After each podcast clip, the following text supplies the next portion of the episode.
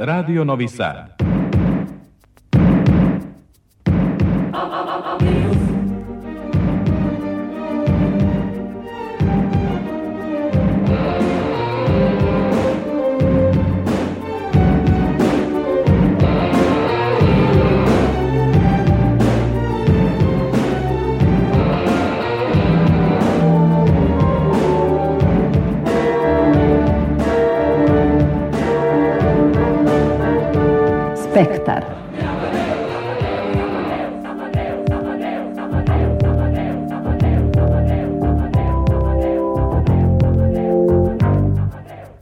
Spektar.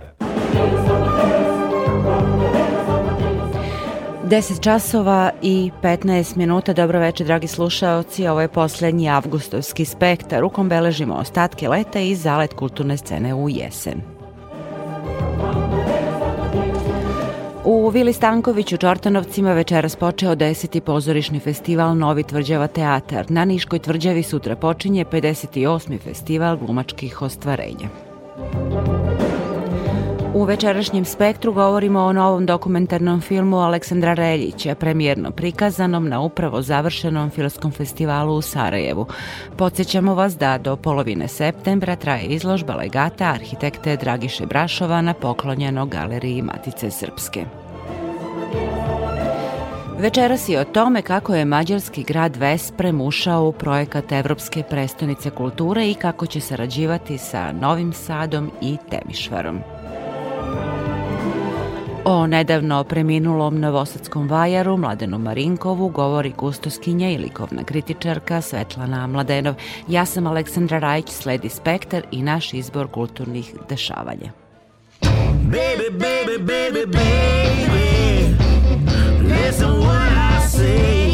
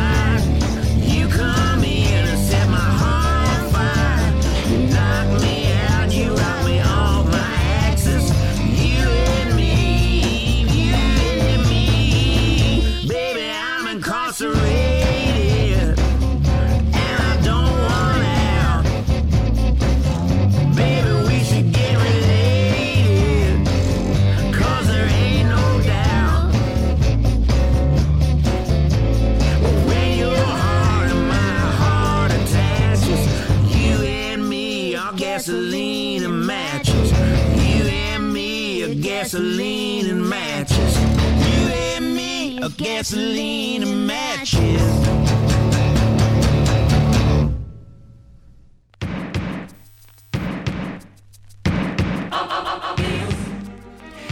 10 sati i 19 minuta slušate Spektar, magazin za kulturu Radio Novog Sada. U Vili Stanković u Šortanovcima predstavom poetesa Video Gnjenović u koprodukciji festivala i Srpskog narodnog pozorišta večeras je počeo deseti novi tvrđava teatar. Traje do srede, a u takmičarskom programu je pet predstava a na letnjoj pozornici Niške tvrđave dodjelom nagrade Pavle Vujisić, legendarnoj glumici Mirjani Karanović i projekcijom filma Trag divljači Nenada Pavlovića, sutra počinje festival glumačkih ostvarenja Tradicionalni filmski susreti. Selektor festivala Dejan Dabić o adutima ovogodišnjeg 58. izdanja. Ove godine biće osam premijernih filmova za Nišlije, od toga jedna svetska premijera – Reč je o filmu Što se bore misli moje Milorada Milinkovića, filmu epohe koji govori o periodu koji je prethodio ubistvu kneza Mihajla Obrenovića 1868. i ovaj naziv filma je zapravo naziv te čuvene pesme čiji autor knez Mihajlo, Dragan Mićanović, Miloš Timotijević, Nebojša Dugalić, Nataša Ninković, i Tamara Krcunović igra glavne uloge u ovom dugometražnom igranom filmu od kojeg će nastati jedna sedmodnevna televizijska serija. Imaćemo i sedam premijera za niške gledalce. Jedno će biti festivalska premijera, to je film Svilen konac Damira Romanova o jednom dečaku koji je talentovan za muziku, ali žive na selu i suočeni sa tvrdokornim ocem koji bi da on nastavi porodičnu tradiciju, a ne da studira muziku. To je festivalska premijera, imaćemo šest niških premijera, to su stvari filmovi koji su prikazivani premijerno na nekim drugim festivalima, ali nisu prošli kroz bioskopsku distribuciju i oni će praktično biti premijera za niške ljubitelje filma koji dođu na letnju pozornicu. To su filmovi Ko živ, ko mrtav, jedna, da kažemo, krimi komedija sa elementima parodiji i trilera koju je režirao poznati glumac Rade Ćosić. Biće i film Ovuda će proći put, devitanski film Nina Ognjanović koji je već dosta nagrađivan u zemlji i inostranstvu o tvrdokornosti meštana koji ne bi da promene svoj ustaljeni način života. Onda poslednji film Puriše Đorđevića, testamentarno njegovo ostvarenje Usta puna zemlje po istoimenoj prozi Braneš Ćepanovića sa Rašom Bukvićem u glavnoj ulozi Tu je i film Manja, koji je uz film Koma iz Apolonove produkcije i Momak i devojke, to su tri filma. Manja je film o jednoj adolescentkinji koja u priličnoj meri neprilagođena, a ovaj film a, koji se dešava u Novom Sadu je pomalo zanimljiv jer ima i nekog malog dramatičkog peckanja na liniji Zrenjanin Novi Sad. Tu je i film Koma Petra Jakonića sa Slavkom Štimicem i Zoranom Cijanovićem o čoveku koji skoro jednu deceniju provodi u komi nakon teške saobraćene nesreće, a to je u stvari ona teška decenija koju smo preživeli svi u regionu, dakle od raspada Jugoslavije do rata protiv NATO pakta 99. godine i e, Momak i devojke, jedan zanimljiv dečiji film, film Ivice Vidanovića koji može da gleda više generacijska porodica. To su otprilike dakle filmovi koji su premijerni za niške gledalce, a tu će svakako biti i filmovi koji su već imali uspeha u domaćim bioskopima kao što su Indigo Kristal, kao što je Vera, da ne zaboravimo i Trag divljači kojim se otvara ovogodišnji festival. Biće je veoma zanimljiv i pratići program, program pratićih manifestacija koji se odvija na više punktova. Eto da istaknemo dve možda najzanimljivije stvari. Jedna je promocija monografije Slavko Štimac, tihi heroj ekrana, nakon čega sledi i projekcija filma Slavko Štimac Samotnjak u produkciji Centar filma. Drugi zanimljiv akcent mogao bi biti okrugli 100 koji je posvećen Dragomiru Bojaniću u Gizdri. Ovaj je okrugli 100, bit će održan 29. augusta u Niškom kulturnom centru. Moderator je profesor Denko Ranković koji je bio profesor na Fakultetu dranskih umetnosti u Beogradu, a ovo je značajno pre svega zbog toga što mi Gidru obično povezujemo sa e, njegovim e, onim fahom komičara, a reč je o velikom i značajnom glumcu i u dramskim ulogama, a da ne zaboravimo i njegove značajne uloge u koprodukcijama akcionih heroja, pre svega u westernima, ili njegove značajne televizijske uloge od Omine Majstora Laleta pa do nekih drugih serija. Dakle, pomalo, rekao bih, neprirodno postavljen samo u jedan fah, veliki glumac Dragomir Bojanić Vidra, posle mnogo godina biće rasvetljen iz više uglova od strane nekih 15 možda i nešto više govornika u, na ovom okruglom stolu.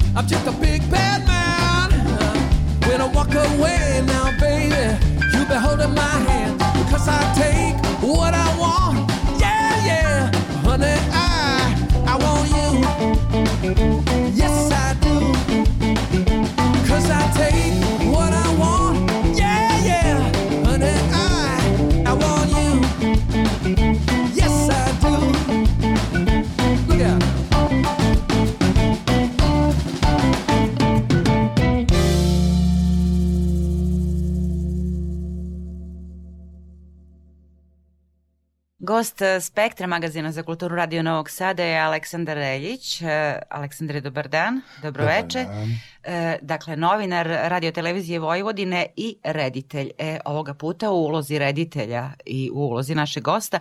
Na 29. Sarajevo Film Festivalu prikazan je tvoj novi dokumentarni film koji je, ja bih rekla, nisam ga gledala, ali prema onome što čitam da je sadržaj filma, ponovo ukrstio neku sadašnjost i prošlo, zapravo ponovo donosi priču o tim nekim vremenskim planovima ukrštenim ili na jednom mestu ili u jednoj životnoj priči kao što je bilo u onom dokumentarnom filmu Ankel.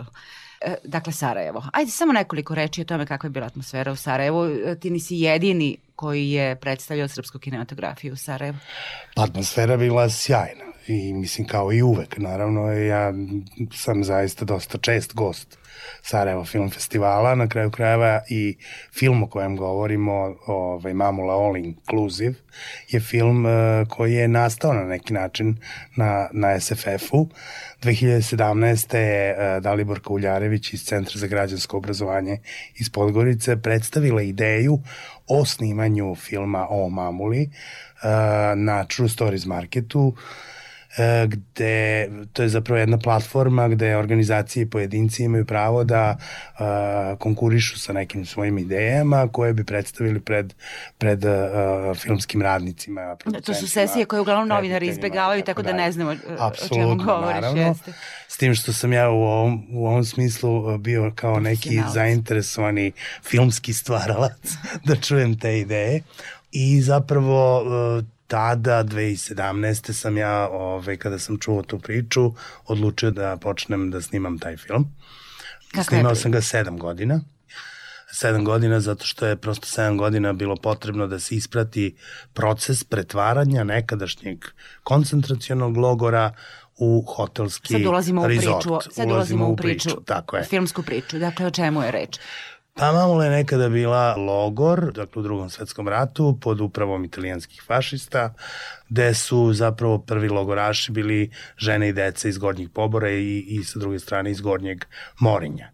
To mesto je 2014. na 15. crnogorska vlada i crnogorske vlasti su odlučile da ovaj, daju koncesiju egipatskom tajkunu na 49 godina da na tom mestu napravi uh, hotelski rezort. Sama ta bizarna činjenica je zapravo bila dovoljna da da ovaj, se snimi dokumentarni film o Mamuli i uopšte o celom tom slučaju. Dakle, jest, došlo je do tog nekog ukrštanja prošlosti i sadašnjosti s jedne strane, sa druge strane, ovaj, ja sam nekako od samog starta uh, ušao u celu priču, uh, ne bili pokušao da pokažem da zapravo je danas novac uh, vrednost svih vrednosti, jedina uh, vrlina na neki način i da kao takva uh, briše sve pred sobom. Dakle, novac briše sve pred sobom, pa čak i, i žrtve i, i, i bilo koju vrstu ste, pijeteta. da, iskoristili ste zapravo uh, taj, tu neku interregnum, odnosno priliku da u međuvremenu, jel da, od davanja koncesije do izgradnje hotela snimite i neke, napravite zapravo kadrove uh, originalnog, odnosno onoga što je ostalo od logora. Pa to je bila ovaj, jedna, jedna onako neverovatna situacija da te 2017. bila poslednja godina pre nego što je investitor ušao u posed i ja sam imao jako malo vremena da reagujem uh, i morao sam, dakle, nakon što sam čuo uopšte ideju, uh, posle tri nedelje sam ja već morao doći na teren da, da snimimo ovaj, prve, Prve kadrove. kadrove jer je to zapravo bila poslednja komemoracija žrtvama logora Mamula pre nego što investitor ušao. To je bilo jako važno ove, snimiti. Ja nisam imao nikakvu produkcijsku kuću iza sebe, ali je naš stari kolega Dragan Gmizić, koji je takođe radio za radio televiziju Vojvodine, a inače ovaj, sjajan mladi producent i tako dalje, ovaj, u jednom momentu rekao, vidi, ja ću pozajmiti pare, ti ćeš ići, ti ćeš to snimiti i on je to i uradio. Tako smo i počeli sa, ne znam, nekim privatno pozajemljenim parama, kasnije u celu priču ušao Filmski centar Srbije, koji nas je finansijski podržao i Al Jazeera Balkans kao koproducent. Ima li tu i nekog tog ličnog stava ili lične priče? Ovo je e, već drugi tvoj, evo pomenula sam film Angelo, drugi film koji se e, bavi tom nekom bliskom po, prošlošću, odnosno e, našim odnosom prema toj bliskoj prošlosti, prema kojoj bismo eto trebali još da osjećamo e, i pijetet i duga, a to negde isparava. Dakle, ima li tu nekog ličnog stava prema tom vremenu drugog svetskog Pa, rata? Prepliče se zapravo više tu tih nekih ličnih mojih motiva zbog čega sam ovaj, uradio ovaj film. Prvo i osnovno, ja sam i ušao u ovu profesiju zbog neke lične frustracije zbog ratova 90-ih. Ratovi 90-ih su takođe neka vrsta odraza a, drugog svetskog ovaj, rata, dakle odraza u ogledalu, jel? S jedne strane. Sa druge strane, još jedan lični motiv, jako važan u celoj toj priči, dakle da a, sve se dešava u Boki Kotorskoj, a ja sam a, po majici Bokelj i onda i ceo život sam u Kotoru i prosto u tom nekom smislu sam i lično vezan za priču. Festivalski život je naravno, jednog filma je naravno onaj ekskluzivniji deo, kada će e, eventualno ovaj film se naći pred nekom širom publikom, kada ćemo moći da ga vidimo? Ja samo ovaj, ukratko da se vratim na, na, na pitanje koje je da, da, zapravo na odgovor koji ti dugujem vezano za Sarajevo Film Festival samim tim što je film nastao na Sarajevo Film Festivalu, njem jako je bilo važno da zatvorimo taj krug i da, i da ovaj, podhitno završimo film, ne bili stigli da budemo uh, sa filmom na ovogodišnjem festivalu.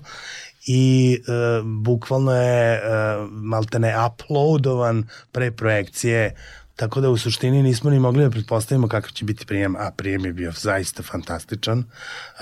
Bila je rasprodata sala, publika je sjajno odreagovala, kritika takođe, mediji, evo, u svakom smislu, ono, sam dobio pozive iz celog regiona za, za neke izjave, intervjue i tako dalje.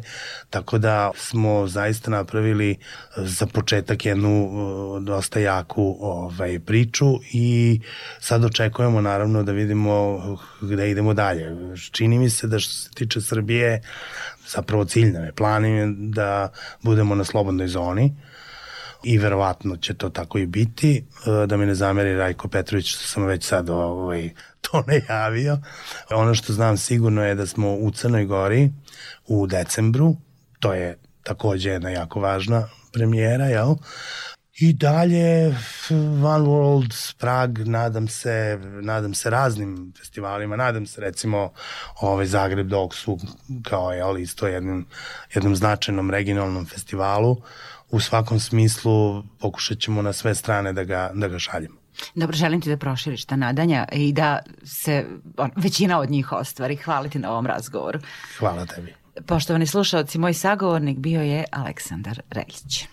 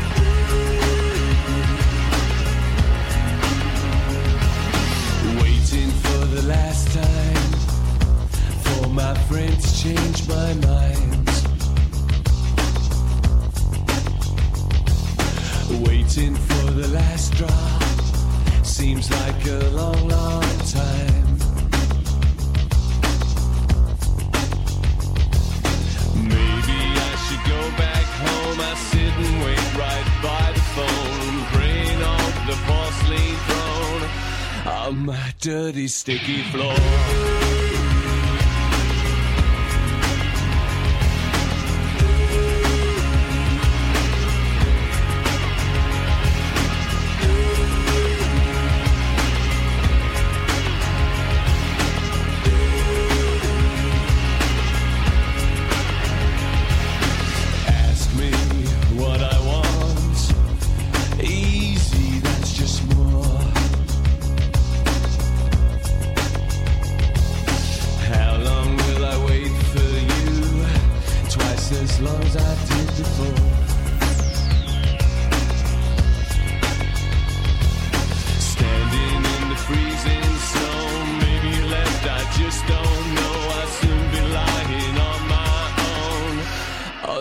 dirty, sticky floor.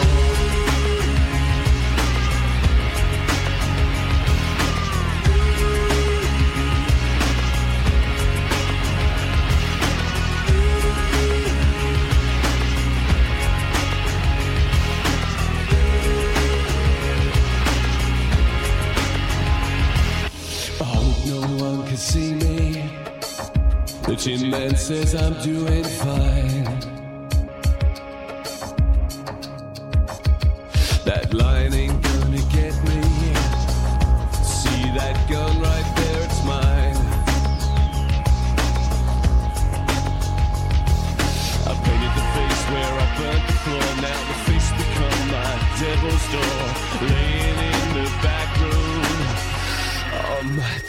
στη Κύπρο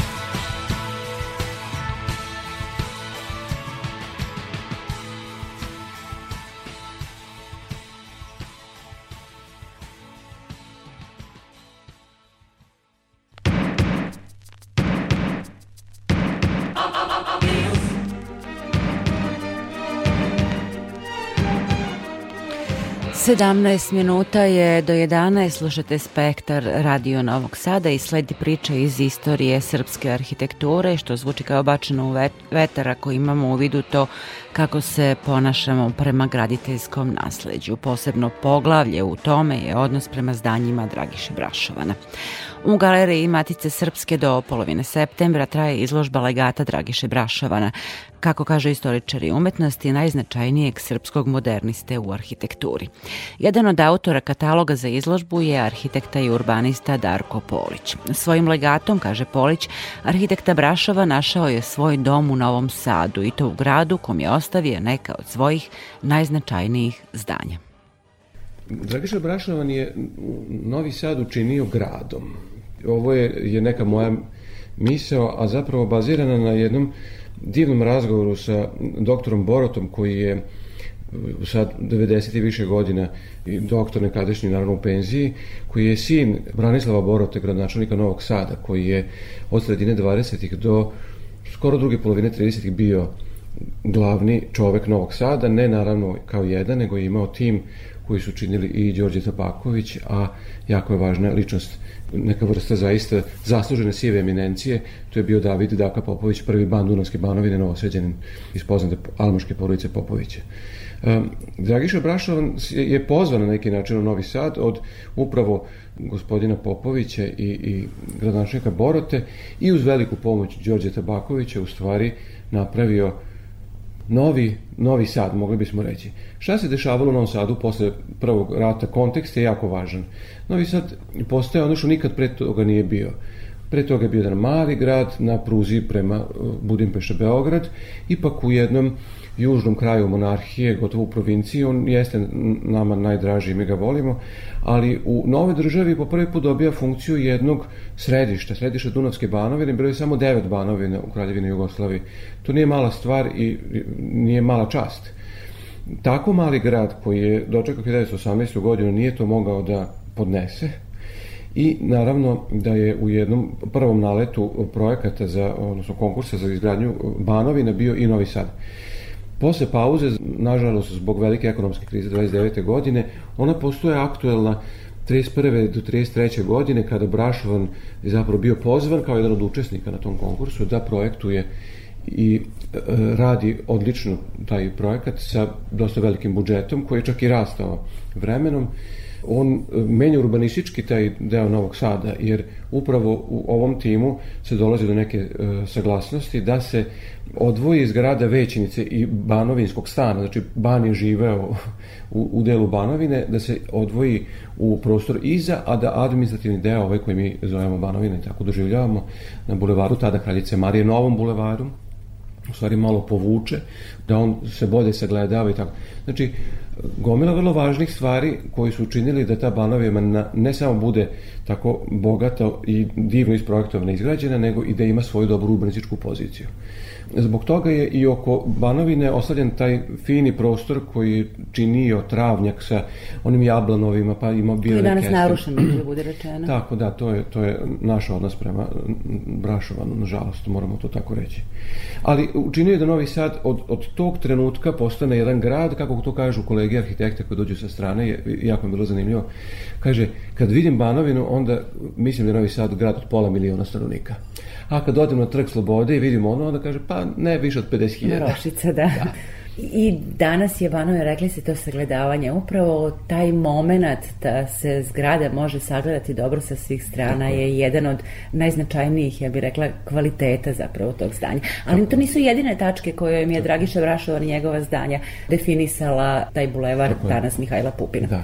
Znači, kako je Banovina zapravo krunisala proširenje Novog Sada od suve grede koja je bila zmajovina kralja Aleksandra, jel? I sve do Dunava je grad nasud za vreme gradonačnika Borote i napravljena je e, nova šema ulice na osnovu jednog konkursa koji je neprestano pred prvi rat bio sproveden. I, I taj bulevar se formira sa visokim zgradama i tako dalje. E, mogli bismo reći jedan korak samo da napravimo nazad, Brašavan dobija prvu nagradu na konkursu za izgradnju radničke komore na uglu Sonja Marinković i bulevara Mihajla Pupina. I to je, kako kažu istoričari umetnosti, e, Brašan je doveo modernu Novi Sad, tim objektom. Zašto je taj objekat posebno važniji za Brašovan ra- razvojni put arhitekte? On se 1929. na konkursu za paviljon Kraljevine Jugoslavije na svetskoj izložbi u Barceloni zapravo e, biva nagrađen za jedan modernistički objekat. I što je jako zanimljivo, na celoj toj izložbi bile su samo tri modernistička paviljona. Nemački, jugoslovenski i švedski, mislim. Svi ostali su i dalje vukli neku klasičnu notu i tako dalje. A Brašovan dolazi isto sa jednim vrlo zanimljivim pristupom. E, taj paviljon bio drveta i on je e, e, bio sklopljen, rastavljen i u Splitu u brod stavljen i onda je do Barcelona došao brodom, gde je, kad je već počela svetska izložba, naši majstori zanatlije koji znaju s drvetom, jer mi smo ipak zemlja bile ma- malo više drvene industrije imali, hteli da promovišu, oni su tamo slagali taj Preporučuje nas paviljon. kao majstore, tačno. Tako je. I, I naravno Toma Rosandić ima e, skulpturu ispred toga koji je posvećen izobilju i tako. Ima dosta simboličkih poruka koje Brašovan lepo transponira u, u, modernu. To je uradio i u Novosadskoj radničkoj komori, jer je novo, taj objekat jako liči na, na taj paviljon, kad ga poredite. Ima objekata, evo pomenuli smo iz Zrenjanina, ima objekata koji ne liče upravo na to što je Brašon tada radio, recimo Sokolski dom u Zrenjaninu ili Zadružna banka, Tako koja će ovih dana, kako sam čula, postati i prostor savremene galerije u Zrenjaninu. Kažu za Brašovana je, pomenuli se da je bio i preduzimljiv i spretan, vrstan građevinac, kažu da je bio prilagodljiv, da je bio produktivan, da je bio eklektičan, da je bio simboličan, dakle, bio je jedna živopisna ličnost. Šta današnji arhitekta može reći o njegovoj arhitekturi? Eto, to vam je je odlično pitanje. Brašovan dolazi u Zrenjanin e, iz Budimpešte, znači e, kad je odlučio da se vrati na poziv svoje starije sestre Ankice, koja je bila supruga gradonačelnika i velikog župana u Zrenjaninu, tadašnjeg, jel? I ta kuća je bila dosta važna i ugledna među Srbima u, u, u Zrenjaninu i e, on i njihovu kuću obravlja, međutim, tada prikazuje još ono što je voleo i što je najbolje umeo i, i, i imao iskustva, a to je ta neka eklektična, onako, neobidermajer i, i, i to je sve jako sve nešto bogato, ima puno dekoracije, ali zaista to je dekoracija. Njegov uh, Sokolski dom je strašno zanimljiv u Zrenjaninu, on na drugačiji način prikazuje e, tu eklektičnost, odnosno donosi nekim elementima koji su dosta neobični, recimo tri dorska stuba s leve i desne strane, veliki portal kao da ulazimo u neki veliki hram sporta i rekreacije Sokolskog doma. I on je, za razliku od mnogih Sokolskih domova tada i kasnije građanih, je u jednom univerzalnom stilu, kako to kaže istoričarka umetnosti e, Ve- Vesna Karavida iz, iz Zrenjanina, kaže Brašovan je e, zamenio onu sokolarsku ideju najbolje u slovenstvu, najbolje na svetu, zato što je ta univerzalna arhitektura klasičnih e, grčkih stilova u stvari prikazala da on može i to da nekako savlada dobro. Međutim, e, Novi Sad, odnosno taj jedan niz Radička komora, kompleks Banovine, glavna pošta i pomalo zaboravimo, isto je vrlo važno, da je braš, po brašnom projektu je tvrđava pretvorena na turistički prostor, znači javni prostor i velika terasa, Titovi saloni su njegova rekonstrukcija. E, i, I to je doprinos za Novi Sad, ima neki visok stepen urbaniteta. Šta je on nama pokazao? Pokazao je da se u određenom vremenu najbolje založio za arhitekturu, za struku. U određenom vremenu koje je imalo svoje političke konotacije, vrlo jake ekonomske, ne smemo zaboraviti, da je tada, pogotovo 30. godine, bio veliki uzlet u, u graditeljstvu. A i on sam je dobijao vrhunske lokacije za... Tako je bio vrlo vešt, sposoban, imao je ili bogati privatni investitore, znači velike vile, muzej Nikola Tesla u Beogradu je Genčićeva vila, Brašova objekat i tako dalje. Um, Znači, on je radio ili za državu ili za bogate investitore, ali je to radio zaista sa velikim posvećenjem. Prisutan je bio na gradilištu i sa stilom, to bi mogli da kažemo, da je e, najbolja definicija u teorijski obrašavano bila majstor stila. I, I to zaista stoji. Mi bismo morali, ako govorimo o današnjim arhitektama, mi bismo morali da to cenimo na nekoliko načina. Prvi da shvatimo šta je u takvom kontekstu jedan arhitekta vešt, sposoban i darovit mogao da proizvede, kako je mogao da se izbori za arhitekturu, jer to je bio cilj, pa mi moramo braniti struku ko će ako nećemo mi ubeđivati investitore. A da naručilac sa druge strane mora da postoji. mora postoji i mora i on da razume i da bude makar da donekle senzibilan, da ne kažem obrazovan da bi to mogao, da bi pravu odluku mogao da donese. I naravno u urbanističkom smislu on je znao vrlo dobro kako da svoje objekte postavi e, kad je imao tu priliku kao što su javni objekti, u ovom slučaju Banovine, ili u Zemunu ratno vazduhoplovstvo. Pa ono dominira, to je jedan veliki avion sa propelerom, kad vidite onaj lisu na sredini, onaj vertikalni, on poleće, a pista mu je onaj trg ispred. E, još jedna stvar išla na ruku Brašovano, to bih rekla, je 60 godina, tako reći, rada, jedan dug i plodan život. Dakle, da. nagomilalo se tu životnog iskustva. Da. Pa jeste, ali e, da krenemo od toga da je on vršćanin, znači u okruženju jedne ipak fine urbane sredine, do duše male, i onda taj odlazak studiranje, kad je Brašov pisao, samo se šestoro arhitekata studenta primalo. A on je posle nasvio da radi kod svoje dva profesora. Znači, on je bio sigurno vredan i tada imao talenat, to smo i posle videli. Ali jedan veliki grad, svetsko iskustvo, život u velikom gradu, ako malo pročitamo neku literaturu, vidit ćemo da je stric bio taj preduzimljiv i on je i, i njemu pomogao da se preseli u Budimpešti tamo studira, pa čak i njegovi starijoj sestri koja je jedna od prvih fakultetskih obrazovnih žena iz Vršća poreklom posle e, predsjednice kola srpskih sestara u Ženjinu Ankice. Znači, on je iz tog svetskog iskustva dolazi u Beograd koji je tek se budio od onih stradanja u ratu iz jedne ipak učmalosti znamo kako je e, teško bilo voditi urbani razvoj Beograda pre prvog rata, da se ne zanosimo i dolazi u jedan grad koji se profiliše kao predstavnica nove, veće, mnogo bogatije i drugačije identitetske države. I on je tu došao kao Kec na 11 sa svojim uh, svetskim iskustvom, stilom i načinom za projektovanje dobre arhitekture. Neki arhitekti koji su bili modernistički i bolje potkovani su se odlučili više za neki teorijski rad, drugi su volili da kopiraju francusku arhitekturu, što je jedan copy-paste to je arhitektura koja se zaboravlja i koja nije u večnosti kao što je Brašovan, a onda se njemu dešava 20 godina, on shvata da se ceo taj diskurs pomera bio vrlo društven recimo, Brašovan. Družio se jako je voleo sa slikarima, vajarima i on ih je zvao, ne samo u Titovim salonima, nego hotel Metropol, On je zvao slikare i... Va, Kuću Sretena Stojanovića je valjda pravio u Beogradu. Da, da i, i, i nekoliko njegovih dela se Stojanović nalazi u ovoj uh, zadužbini. I onda, evo, u, u celom tom, kako bih rekao, svetskom iskustvu Brašna dolazi jedno svetsko priznanje da Brašna 1953. godine dobija članstvo u uh, Kraljevskom institutu britanskih arhitekata, što je svetski značajna institucija za, znači priznanje 1953. godine za ono što je uradio i tek posle nekih 8-9 godina dok poslije dopisni član Srpske akademije nauke i umetnosti. To je opet naša srpska priča.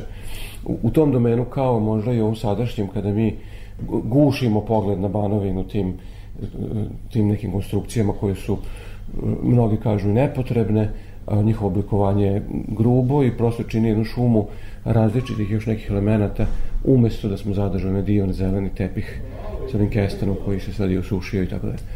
Tako da nekako bismo morali da ovaj, ne samo razmislimo dva put, nego i da malo pokrenemo javnu raspravu. Ima ljudi koji e, znaju bolje od nas, koji imaju možda i više smisla i koji su veći majstori stila i koji sagledavaju takve uh, reakcije u prostoru drugačije. To je važno jer u arhitekturi, pogotovo u urbanizmu, kada se jedna linija povuče i jedna objekat sagradi, to ostaje jako dugo, to se ne može ispraviti. Teško ispraviti. Da. To se ne može. Drvetu treba 30 godina da bude pravo drvo. Mi ne možemo govoriti o drvetu koji sad smo toliko drveća stradalo u gradu mi smo sad unazađeni u fondu za 30 godina. Izložba e, legata Dragiše Brašovana traje do neke polovine septembra Tako. u galeriji Matice Srpski. Evo, ostane nam još samo da pozovemo slušaoce da pogledaju za ovo vreme, dakle, narednih mesec da. dana o tu uh, postavku. Pomenuli ste priznanje i sad jedan mali ekskurs u celom ovom razgovoru kada je reč o priznanjima.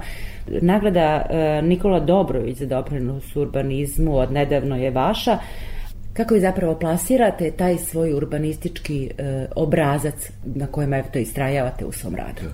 Jako je teško u ovom vremenu kada je e, osjećaj ili znanje čak u proceduri planskoj zainteresovalo javnost i ljudi su shvatili da se moraju obrazovati da bi bili učesnici u procesima urbanističkog e, razvoja i promena koji se dešavaju oko nas, koji su uvek bila neminovnost. Naravno, kako se te promene dešavaju je tema urbanističke procedure, jer to su tehnički pravni dokumenti, a na osnovu njih se onda radi realizacija i onda tu ako ima nekog raskoraka ili neslaganja ili ni ti planski dokumenti e, nisu dobri, odnosno usmerili su izgradnju u neki deo gde, gde ne treba da bude, to sad postoje, u- dolazi u fokus javnosti na jedan, po meni, zanimljiv, ali i dobar način ljudi su više zainteresovani i aktivniji u procesima urbanističkog promena u gradu. Ja mislim da je to dobar korak napred ka jednom više demokratičnom društvu i tome da ne postoji više, znate, mi smo e, nedodirljivi, mi samo radimo, a drugi rade samo svoj posao. To nije karakteristika savremenog, demokratskog, niti urbanog društva. Znači, mi radimo, ubrzano se dešava u Novom Sadu promena e, jedne urbane svesti na svojoj poziciji svako od nas bi mogao da nekako doprinese. Ja kao urbanista, arhitekta po obrazovanju, to se trudim, što je nekad vidljivo, nekad nevidljivo, javnosti ne treba da bude vidljivo. Ali ja znam, znaju kolege, koliko truda ima u tim procesima. Nije lako pratiti urbanistički razvoj Novog Sada uopšte. Da. I te- Teško je razumeti, e, e, nije teško razumeti, vrlo je jasno stvari kako se stvari dešavaju, ali ajde da to postavimo na ovaj način. Gde se danas nalazi moć i da li je moć koncentrisana samo u jednoj tački ili, je, ili se ipak demokratično Disperzivna. Znači, vi ste imali arhitekte urbaniste koji radi plan, Skupština grada to usvoji i to se dalje sprovodi. Kogod je bio investitor, javni sektor ili privatni sektor. Danas je, već od godinama postoji javni uvid. I sad taj javni uvid, neko bi rekao da je pro forme, ali jeste e, uvid u nešto što se dešava i, i, kako bih rekao prosto, informacija da će nešto da se promeni. Reakcija na to, videli smo poslednjih godina, je bila burna, bila je e, argumentovana ili manje argumentovana, ali je postojala. I odjedan smo počeli svi da malo više razmišljamo da li je sad moć ipak u tim primetbama, u tom broju primetbi, u tim glasnom protestovanju, U organizovanju kao Almaška Organ- zajednica. Tako, organi kao Almašani na svoj način ili uh, neformalne organizacije koje postoje, ne znam, u Starom Majuru, građani se isto nešto pitaju šta se ovo dešava. tako. Znači, postoji interesovanje. Ja mislim da ćemo mi relativno brzo uh, se više i bolje dogovarati kakav Novi Sad treba da bude u budućnosti. Ali nadamo se da, ovaj, da neće biti um, kasno za neke stvari. Darko, hvala vam na ovom razgovoru. Molim.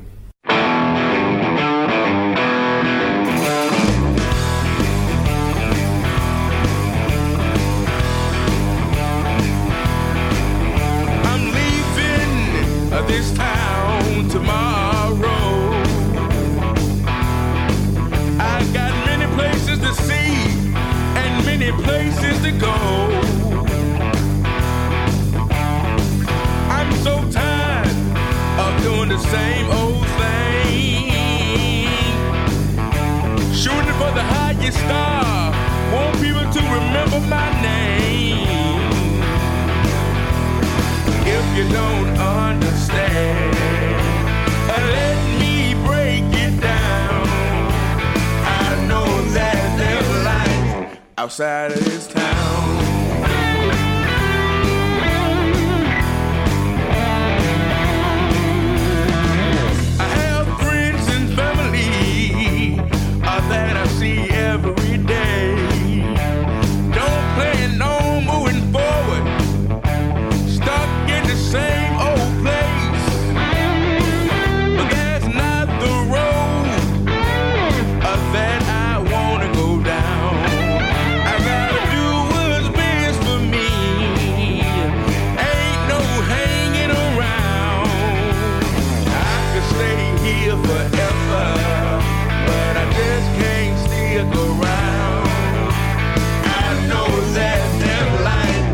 outside of this town.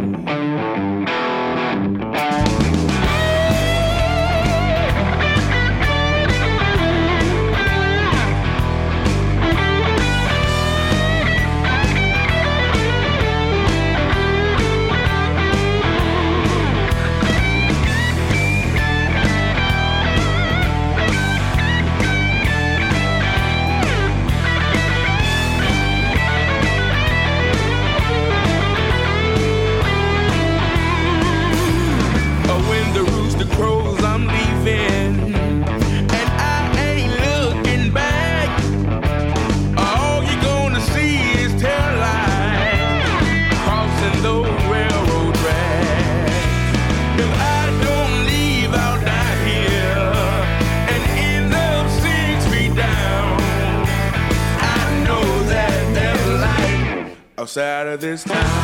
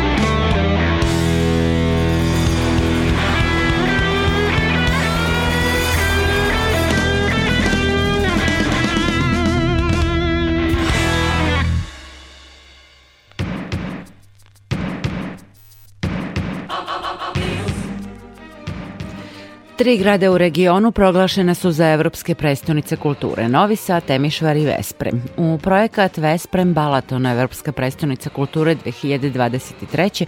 uključeno je više od 100 mađarskih opština kako bi se oživela kulturna scena i promovisale prirodne lepote tog dela Mađarske. O tom projektu i saradnji tri susedna grada govori direktorka za razvoj programa projekta Vesprem Balaton Friderika Majk. Sa njom je razgovarala Ivana Maletin-Ćoralić. Projekat Vesprem Balaton Evropska prestonica kulture 2023. razlikuje se od drugih programa evropskih prestonica. Kako ste se odlučili za takav pristup i kako ste uspeli da animirate sve učesnike tog projekta? The decision was made Ta odluka doneta je još prilikom kandidature, pre nego što smo osvojili titulu Evropske prestonice kulture. Vesprem je delom smešteno u ruralnom području, čija se ekonomija zasniva i na poljoprivredi i na turizmu. Grad broji 60.000 stanovnika, ali je blisko povezan sa obližnjim selima i okolinom. Na početku smo pokušali da iscrtamo mapu neke vrste kulturne aglomeracije Vesprema. Tu spada i jezero Balaton koje je udaljeno samo 15 km od grada. Ipak Vesprem tradicionalno više pripada Bakonjskom regionu koji se prostire severno od Balatona. Pozicija grada je oduvek bila sporna programom Evropske prestonice kulture i svim kulturnim i umetničkim sadržajima pokušavamo da približimo Bakonjski i Balatonski region i da promenimo ustaljen pogled na njih kao na dve različite celine. Radimo na tome da stvorimo mrežu gradova, varošica i sela. To je bila naša polazna tačka. U decembru 2018. kada smo poneli titulu Evropske prestonice kulture, počeli smo da prilazimo opštinama. Naravno i pre toga smo otvorili diskusije na temu da li bi osvajanje titule bilo korisno za region, a nakon dobijanja tog priznanja izašli sa konkretnom ponudom gradovima i selima da nam se pridruže u kreiranju programa Vesprem Balaton 2023. Balaton 2023. Jesu li oni imali mogućnost da sami predlože teme i projekte i da dobiju sredstva za njihovu realizaciju? Uh, yes and no. At the beginning, uh, we... I da i ne. Na startu smo pokušali da identifikujemo teme, probleme i izazove, ali naravno i kulturne snage i prilike u našem regionu. Nismo ih pozvali da predstave projekte kako bismo odlučili da li ćemo ih finansirati ili ne. Bilo je to više niz diskusija gde smo se trudili da zajedno razvijamo projekte. U Mađarskoj je česta pojava da opštine razmišljaju samo unutar svojih okvira. Sve snage smo u početku usmerili na povezivanje različitih aktera. Razgovarali smo sa svim gradonačelnicima, lokalnim i regionalnim nevladinim organizacijama i organizatorima festivala iz različitih delova regiona. Gledali smo širu sliku kao i manje delove koji bi se mogli u nju uklopiti, ali se međusobno nisu prepoznavali. Stoga smo odmah po osvajanju titule počeli sa radom. Naš program uz projekte iz aplikacione knjige kao i programe koje smo želeli da podržimo i realizujemo zajedno dobio je konačni oblik tokom 2021. i 2022. To je bio dugotrajan proces, ali smatram da je to dobar model i za nas i za naše partnere kako bismo prevazišli međusobno nepoverenje. Nismo želeli da pravimo program Evropske prestonice kulture na osnovu starih projekata koji ranije nisu mogli da dobiju finansijsku podršku. Verovatno svi znaju o čemu govorim. Stare ideje nisu nužno loše, ali smo želeli da promenimo perspektivu i način razmišljanja o kulturnom životu opština i regiona, da promenimo pristup. U programu Evropske prestonice kulture važno mesto zauzima strategija razvoja publike. Kada organizujete neki kulturni program, na to možete da gledate kao na marketinške aktivnosti, ali to nije isto. Pružili smo finansijsku podršku i zajedno sa partnerima osmislili programe koji privlače novu publiku programe koji čine umetnost i kulturu vidljivima, dostupnijima i razumljivijima lokalnom stanovništvu. Da, to je vrlo dobar primer, ali pretpostavljam veoma zahtevan model. E, Gledajući program projekta Vesprem Balaton Evropska predstavnica kulture 2023. koji je podeljen u devet klastera, čini se da ste sproveli detaljnu analizu i istraživanje i mapirali glavne prednosti vašeg regiona, kao i njegove nedovoljno razvijene strane, gde ima mesta za napredak. E, Koje su glavne teme na kojima ste zasnovali program? It's important that Važno je napomenuti da tih devet klastera nisu postojali od samog starta. Oni su rezultat dugih diskusija, pregovora i eksperimentalnih programa koje smo sproveli nakon 2018. tokom prvih godina priprema. Neki od tih klastera se fokusiraju samo na Vesprem, a neki na region. Ima i onih koji predstavljaju kombinaciju. Priča o svih devet klastera bila bi beskreno duga, pa ću izdvojiti samo neke njene glavne aspekte. Budući da je Vesprem proglašen za UNESCO grad muzike 2018. jedan klaster posvetili smo muzici i to ne samo muzičkim sadržajima za publiku, nego i obrazovnom programu. Kad smo dobili titulu grada muzike, srž našeg programa činili su nastavak i razvoj muzičkog obrazovnog programa sa ciljem da postanemo grad sa najviše ljudi aktivno uključenih u muziku, u stviranje instrumenta ili pevanje. Program smo prilagodili i najmlađim i starijim sugrađanima. Baziran je na programima zajednice, obrazovnim sadržajima, reorganizaciji horova i različitih muzičkih ansambala, otvaranju centra za probe. Sa druge strane, bilo nam je važno da unapredimo kvalitet i obim naših muzičkih festivala, pošto je Vesprem oduvek bio poznat po manifestacijama poput Festivala ulične muzike ili Vesprem Festa. Takođe, prve nedelje avgusta organizujemo festival klasične muzike na kojem nastupaju najpoznatiji solo muzičari iz celog sveta. To su samo neki od ciljeva koje smo sebi postavili. Primera radi hteli smo da oživimo centar Vesprema. Znate, reč je o malom gradu i oduvek smo se rukovodili motom da ne želimo više dosadne utorke.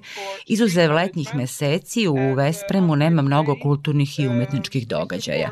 Mnoga mesta poput restorana i pubova obično su zatvorena. Zato smo se odlučili na promene. Mislim da je projekat Evropske prestonice kulture veoma nekonvencionalan program, jer je jedan od naših prvih projekata bilo otvaranje muzičkog puba. Osmislili smo sistem finansiranja za upravljanje ulicama. Do sada smo podržali više od 15 preduzetnika u stvaranju novih kreativnih i ugostiteljskih usluga u centru Vesprema. Otvorili su prodavnicu dizajna, muzički pub i nove restorane sa kulturnim pečetom. Još traju programi i investicije tokom letnjih meseci. To je zaista promenilo ritam grada. Vrlo je značajno da meštanima i turistima pružite bogatu ponudu muzeja, izložbi i programa, ali na opšti utisak o gradu u velikoj meri utiče atmosfera u centru grada. Ako ne nudite kvalitetne usluge, ne možete da zadržite turiste. of the city center. Kako biste opisali dve glavne tačke projekta slušalcima? S jedne strane, kao što ste rekli, imamo Vesprem, stari grad sa tvrđavom koji igrala značajnu ulogu u ranoj mađarskoj istoriji, S druge strane, tu je Balatonsko jezero, najveće jezero u centralnoj Evropi i veoma važna turistička destinacija u Mađarskoj. Zašto bi slušalci trebalo da posete Vesprem i Balaton? Because it's beautiful. Zato što su prelepi. Da, Balaton je u Mađarskoj od uvek bio najveća turistička destinacija posle Budimpešte. Takođe, bilo je nekih pomaka u protekloj deceniji u smislu kvaliteta usluga i razvoja kulturnog turizma. To je i dalje mesto za masovni turizam i doživljaj posetilaca najvećim delom zavisi od toga na kojem delu jezera borave. To je neobično. Oblast oko Balatona, posebno brdoviti deo, severno od jezera, smatra se drugim domom za mađarske umetnike umetnike, za muzičare, slikare, filmske radnike i druge umetnike, ali nije baš pristupačna za posetioce. To je važna umetnička baza koja počinje da se otvara prema međunarodnoj sceni. No nema mesta ni prilike za interakciju sa publikom da se ta scena doživi i vidi. Razvili smo nekoliko programa umetničkih zajednica tog regiona za meštane i posetioce. Kreirali smo male baze i kad kažem kreirali, zapravo ne mislim na izgradnju, već na formiranje, na primer, prostora za muziku na otvorenom kao mesta susreta lokalnih muzičara i stranih bendova. To mesto nije namenjeno samo za koncerte, nego i za obrazovanje i muzičke kurseve u kojima mogu da učestvuju i meštani i turisti. Otvorili smo nove male galerije. To su zaista male investicije s naše strane, ali se njihovi efekti već osete. Mađarski umetnički život približile su publici koja možda nije došla tu sa namerom da doživi umetnost. Prvi put imamo zanimljivu situaciju da su tri susedna grada, Vesprem, Temišvar i Novi Sad, proglašeni za evropske prestonice kulture – E, da li razmenjujete iskustva i radite na nekim zajedničkim projektima? Uh, yes, um, during the year da, tokom godine organizujemo posebnu seriju događaja u sklopu koje dočekujemo ne samo susedne evropske prestonice kulture, nego i druge gradove koji su poneli tu titulu. Dve nedelje smo već posetili Temišvaru i pozvali smo temišvarske umetnike, bendove i ugostili njihove izložbe. Predstavljamo Temišvar i njihove programe Evropske prestonice kulture. Takođe, proleto smo priredili sličan program posvećen Novom Sadu. Taj programski segment nazivamo Interurban. On donosi glas Evrope i sveta u Vesprem putem mikroprograma za sve generacije. Za neke je to koncert, za neke filmsko iskustvo, za neke deči program, zavisi od programa aktuelne Evropske prestonice kulture. Naravno, međusobno blisko sarađujemo, pogotovo sa Temišvarom, pošto realizujemo pojedine programe za izgradnju kapaciteta. Održavamo niz radionica na temu šta može biti nasleđe projekta Evropske prestonice kulture. Sa Novim Sadom trenutno pregovaramo o malom projektu vezanom za mađarskog pesnika Mikloša Radnotija, značajnog za mađarsku književnu zajednicu u Novom Sadu. Na jesen planiramo da realizujemo mali književni program i dizajniramo spomenik tom mađarskom pesniku. Uh, for this Hungarian poet. Za kraj, kakav je prema vašem mišljenju značaj projekta Evropske predstavnice kulture za naš region, za gradove poput Vesprema, Novog Sada i Temišvara? Od uvek smo na projekat Evropske prestonice kulture gledali kao na stipendiju za kulturni sektor ili za region. Nije najvažnije ono što se događa u godini titule, nego su bitni efekti i rezultati tog intenzivnog programa rada i partnerstva. Kako nam to može pomoći da svoj grad ili region ili bilo koji drugi region koji učestvuje u tom projektu postavimo na evropsku kulturnu mapu? Kada govorimo o centralnoj Evropi, mislim da kulturne scene mnogih prestonica nisu prepoznate na evropskom planu. Mnogo smo rada i energije uložili da naše ustanove kulture postanu deo međunarodne umetničke scene, da zajedno napredujemo. Sudeći prema programu Temišvara i Novog Sada, to je veoma važan dugoročni cilj. Kada grad jednom odluči da kultura treba da bude na vrhu liste prioriteta, da ona određuje naš identitet, ta odluka će pomoći u oblikovanju budućnosti grada. Um, to shape the future of the city. Hvala najlepše što ste govorili za naš radio i želimo vam mnogo uspeha sa projektom. Direktorka za razvoj programa projekta Vesprem Balaton Evropska prestonica kulture 2023. Friderika Majk bila je gošća našeg programa.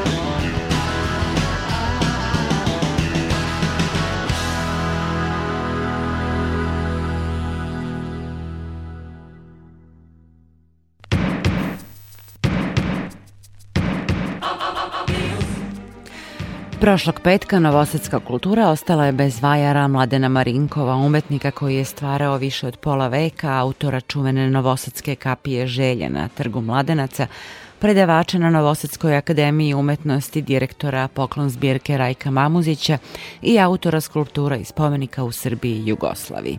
Likovna kritičarka i kustoskinja Svetlana Mladenov pratila je rad Mladena Marinkova od prvih postmodernističkih iskaza i rukopisa. Naravno, Mladen Marikov je svojim radom, svojim skulpturama već ušao u istoriju umetnosti Vojvodine, pre svega i Srbije, ali on je ostavio traga i na onom ex-jugoslovenskom prostoru, pogotovo u 80. godinama gde je bio veoma aktivan i te 80. godine jesu značajne za njegov rad, jer je tu u tom periodu on izgradio stvari taj njegov prepoznatljivi umetnički diskurs gde smo posle mogli da vidimo kako se taj diskurs njegov dalje razvijao tokom 90-ih i sve do danas. Mladen Maniković kao mlad umetnik e, imao je te sklonosti ka eksperimentu i nekako e, je pokušavao da radi u nekim nevajarskim materijalima. Tako da krajem, krajem 70-ih, na samom početku 80-ih imamo njegove skulpture koje su rađene sa slamom, balama slame, sa crnim najlon kesama i skelama i tako dalje. To su vrlo interesantni radovi. Da bi u stvari kasnije tokom 80. polovinom i drugoj polovini on takođe ušao u taj neki, da kažem, proces koji se dešavao tada kod nas, a to je u tom periodu je e, transavangarda i ta nova ekspresija bila u jedan glavni tok umetnosti i pogotovo u slikarstvu na pre svega, međutim to se odrazilo i na sve druge oblasti pa i na skulpturu. Ponovo se vraća tom nekom manualnom radu i radi se sada u nekim, da kažem, e, u pravom materijalu, klasičnim materijalima, e, tako da e, recimo mi imamo ta tri umetnika u Vojvodini, Slobodana Kojića, Miro Kojić i Mladena Marinkova, koji su bili glavni predstavnici tog perioda nove ekspresije. E, Mladen tada e, radi u kamenu, radi u metalu, odnosno radi u bronzi, posebno patinira svoje skulpture na poseban način za njega specifičan.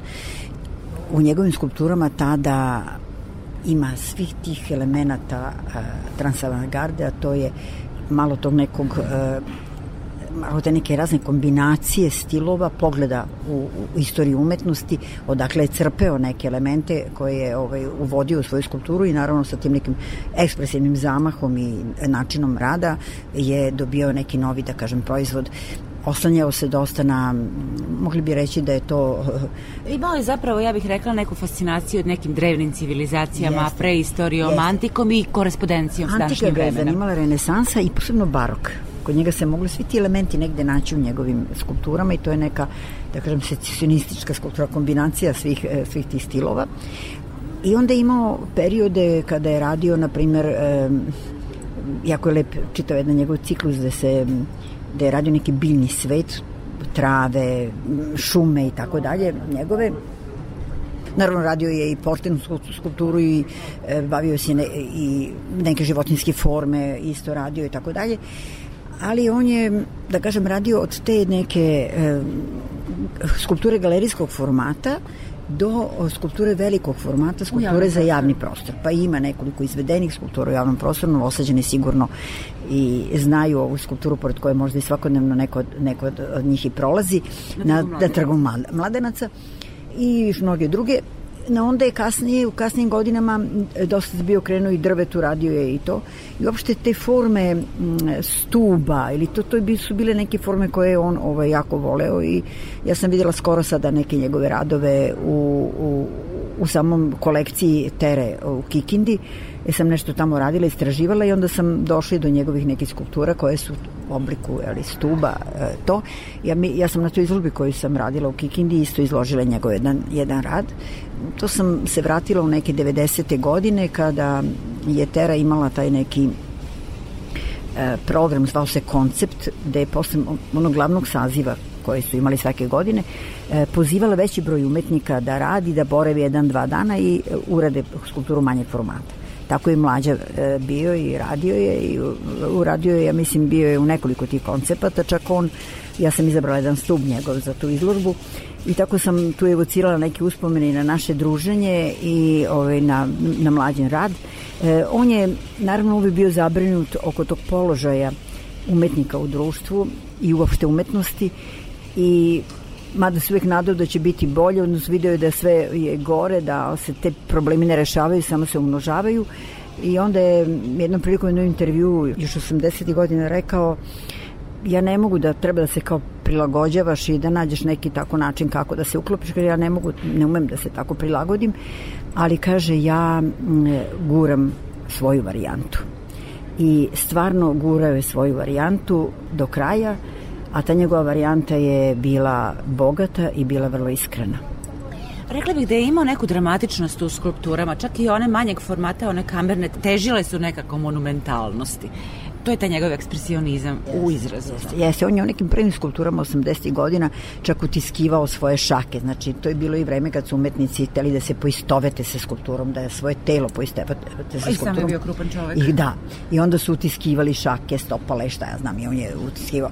Ali i kasnije u onim drugim skulpturama moglo se to osetiti, o čemu ste sad govorili. Ta, ta neka, da kažem, ta neka ekspresivnost je nekako m, bila osnova u njegovom radu i ona je ostala do kraja, mada je on to svodio, do, došao je period i malo svođenja. Ovaj, Tako reći linijske skulpture. Jeste, jeste da je svođenje, ali ovaj, on je prosto imao taj osjećaj za, za emocije i da te emocije dobro, eh, na dobar način prikaže. On je Ja znam da je i planirao, nemam sad informaciju da li je uspeo da uradi tu neku monografiju koju je želeo da, da, da radi. Biće još sigurno puno o njemu ćemo još govoriti, biće nekih izložbi sigurno kasnije koje će se malo retrospektivno osvrnuti na njegov rad i malo se obuhvatnije prikazati šta je on radio. On je mislim to zaslužio, mi nemamo toliko veliki broj vajara ovde, pogotovo u Vojvodini i on se on spada u taj vrh tih koje imamo i to treba da čuvamo i treba da ostane za neku da kažem budućnost. Muzej savremene umetnosti Vojvodine ima nešto u kolekciji, a mislim da je on poklonio dosta i Matici Srpskoj, tako da ipak će ostati ovde dosta njegovog rada i bit će materijala od koga će moći da se radi neka velika izložba.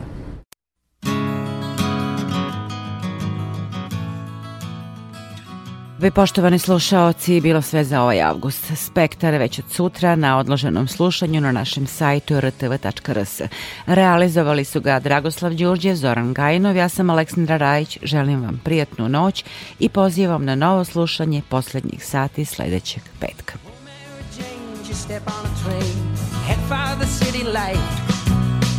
Yearning inside to swim with the tide and taste it alright. Back on her shoulder, breathing the cold, there by the metal track.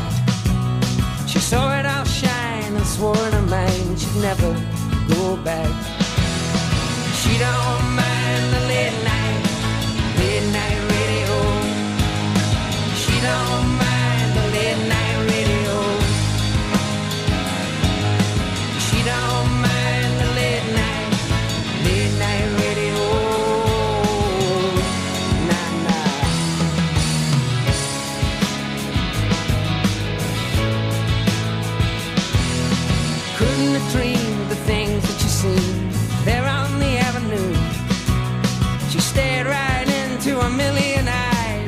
her right through. Tell Red Joe the places she'd go, and wiping the table clean. She got no idea the demon of fear or what a broken heart means. She don't